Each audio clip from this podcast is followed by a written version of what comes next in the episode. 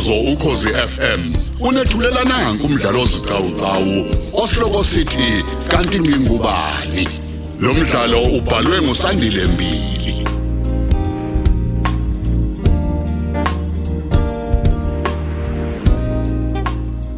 Lesi isiqephu sesibili.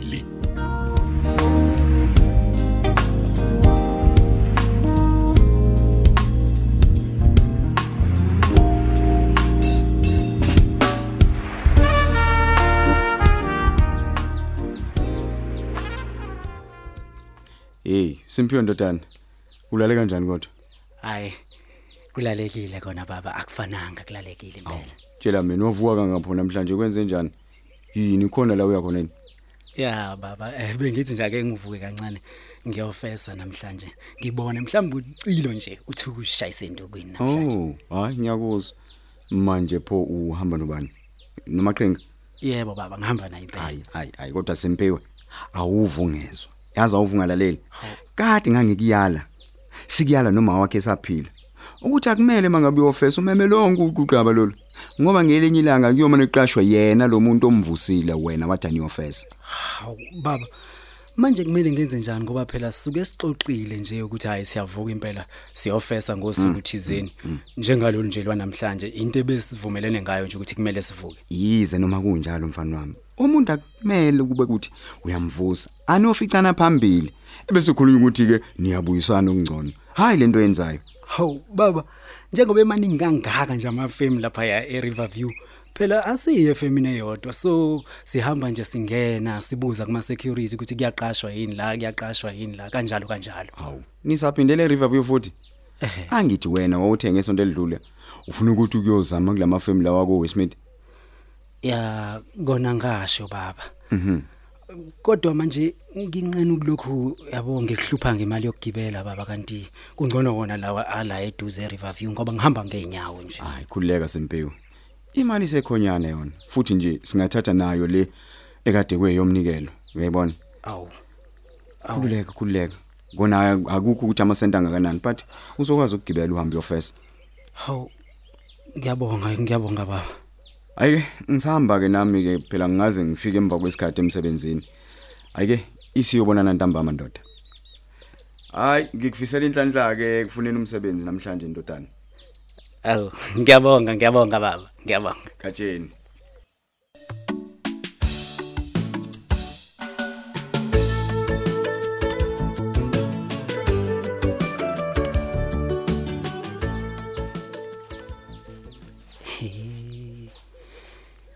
Uyazi baba Nkosi yami akakhohlwa nje ukuthi njalo mangiyofuna umsebenzi angifisele inhlanhla. Uyazi ngesinye isikhathi ngike ngicabange nje ukuthi mhlambe ikona lokho nje okuvele kungibangela amashwa kakhulu ukuthi ngigcine ngawutholi umsebenzi. Ay angihambe. Ngingalokho ngicabangana nento esingathi shu. Yabona kona namhlanje. Yabona njengoba kadesho nje ubaba ukuthi ngihambe ngedwa ngiyofesa. Umaqhinga impela useyongifica phambili. Mhlawumbe kungenzeka nje ukuthi ukuhamba kwami naye lokhu yikona okungenzela amabhadi. Ngilokhu ngithi nginesinyama, nginesinyama, kanti uyena isinyama la. Awu,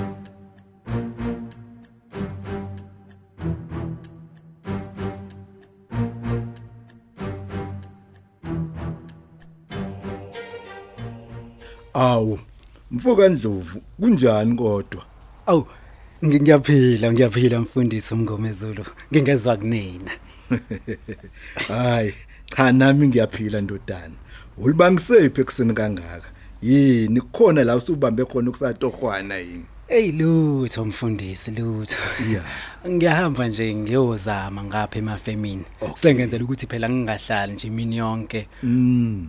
Kuthi mhlambe kuyaqashwa kwezinye indawo sengizwa ngabantu nje ukuthi hey beqashwa namhlanje emafemini qiniso qiniso so manje ngithi nami ngcono ukuthi ngihambe ngiyozibhekela mhlawumbe nje ucile ungathi kuzishayise endukwini Ah uqinisile impela lapho ndodana.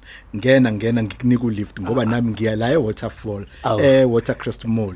Ngizokushiya ngakhona emafemini fana na bese ke mina ngiyaqhubeka ke.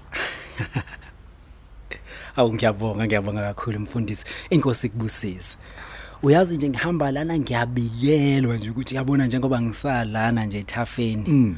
Ukuthi kungake nje qhamuke noma itaxi ke nje eyodwa nje ishayelwa udriver engimaziyo eyangakhona ngapha ngase Waterfall Ake nizwe lo mfana madoda. Hayi cha, kusho ukuthi ifiso zakho ifezekile ke mfana wami. Yize phela ungaba bangake saba udriver wetaxi lona kokuthathile sekube umfundisi. Cha, futhi indlela zakho ithanda ukukhanya khanya mfana. awu mfundisi Awu. Awusho ke mfana wami. Uzofesa kumapha amafemu lapha e Riverview njengoba emaningi kangaka nje.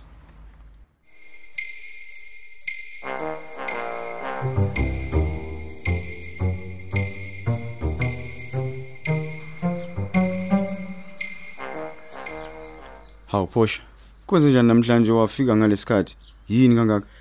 Hey uyawazi nje ukuthi amatekisi anjani. Uyabona imoto ithe isidlula ngakasondela nanka amaphoyisa omgwaqo la ezantsi uyabo esikoneni la eBothas Hill. Ngebhadi ke avela misa umshayeli wethu. Naye umshayeli loyo akayiphethe license Wee. yakhe. Hayi savele sakhishwa kanjalo ke emotweni sabizelwenye. Lathi nje iphoyisa lomgwaqo ngeke nje livuma ukuthi umuntu ashayele bengayiphethe license. Ayi, kodwa amaphoyisa nawasaba njani bakithi? Ngokukhohlwa nje ilicense nje ka driver wetekisi. Sekungaze kufika abantu late emsebenzini. Hey ubungaboni indlela bese sithetha ngayo. Hoyibo.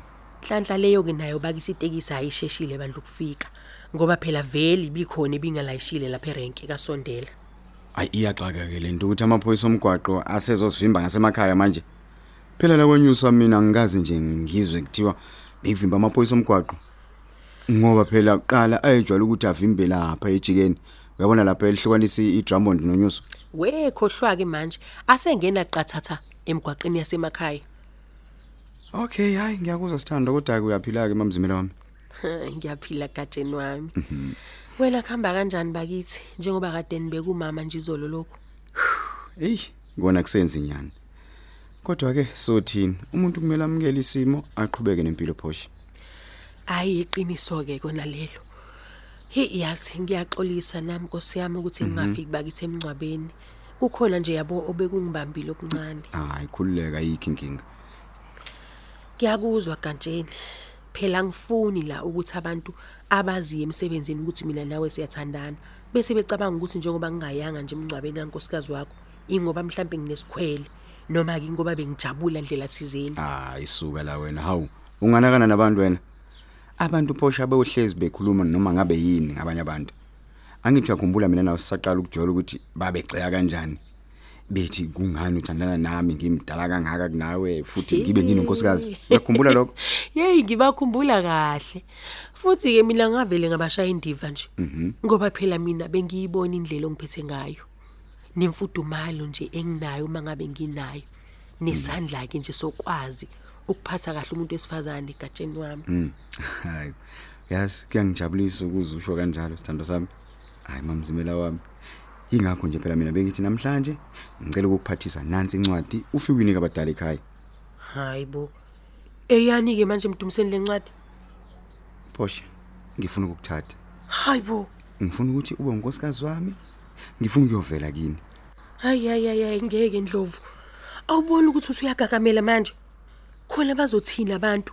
Ukuthi usandla kushanelwa umfazi wakho zolo lokhu, usuthatha omunye njalo ngokusheshsha ongaka. Mamzimela, impilo imfishane.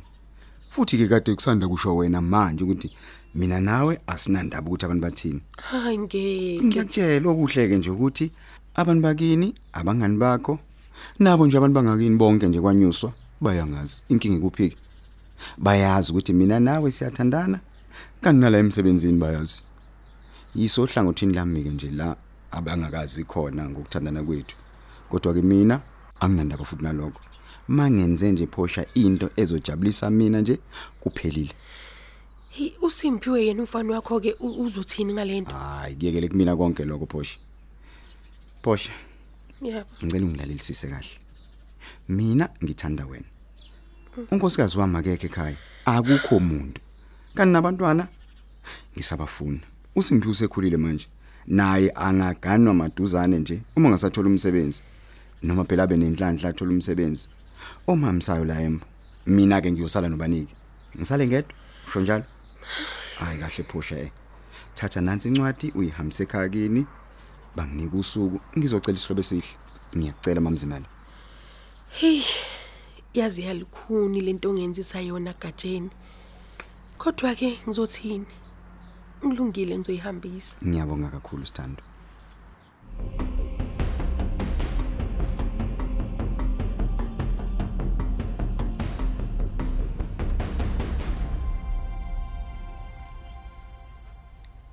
Hey.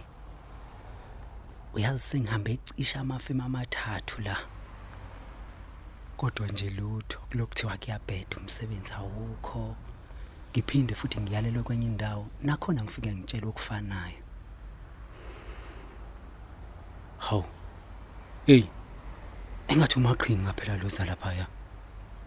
Hayibo. U- Kungaba nomaqhinga loqhamuka lapha ngaphambili la ngiya ngakhona. Awuyena. Hey uyena. Uyena. Uyazi baba ubeqinisile ngempela uma ethi umuntu kumele avela azihambele yedwa meyofesa. Awubheke nje. Yena kubukeke ngathi kade eqalile efesa. Yambona njengoba esebuya kuleya firm nje ebengiyalelelwa kuyona yisecurity. Hayibo. Awula simphiwe mngani wami khamba kanjani mfowethu? Yaxoka indini. Ya uyazi wena uyixoki mfethu, uyazi uyixoki wena. Hayibo. Bro wami yini manje sengenzeni mina? Hawu. Mfethu usuvuka kuqala uzofika kuqala la uyafesa uyangishiya kubeni kade sixoxile ukuthi indlela yakhe izodlula lapha kumina ungivuse ekseni. Awu ndoda. Manje bengimele ngenze njani mina mangabe umfowethu la ubafe ngiphu lift ekseni? Hayi, Bekumele ngunqabe Hayi, ngoba nakho bra umthembise wena ukuthi siwamisana ekseni. Hayi, ubuxoki lobo bra wami. Yabona lento oyenzile? Ubuxoki. Buka. Buka buka buka buka buka manje. Buka usuphethini, buka usuphethini. Ini? Sobala nje ukuthi nawe vele awufuni ngilungelwe yilutho. Uyabona wena kuyakujabulisa ukungibona ngibhuquza Cha ekhaya. ngisho iyima iyima kancane bro wami sim- Simpiwe. Simpiwe iyima phela. Angiyeke, mfethu. Musungiduma mfethu iyima ngichazele. Hey, ye wena, ngithi awungiyeke wemuntu, awungiyeka ngifuna encazelo yakho mina. Hayi, Simpiwe madoda.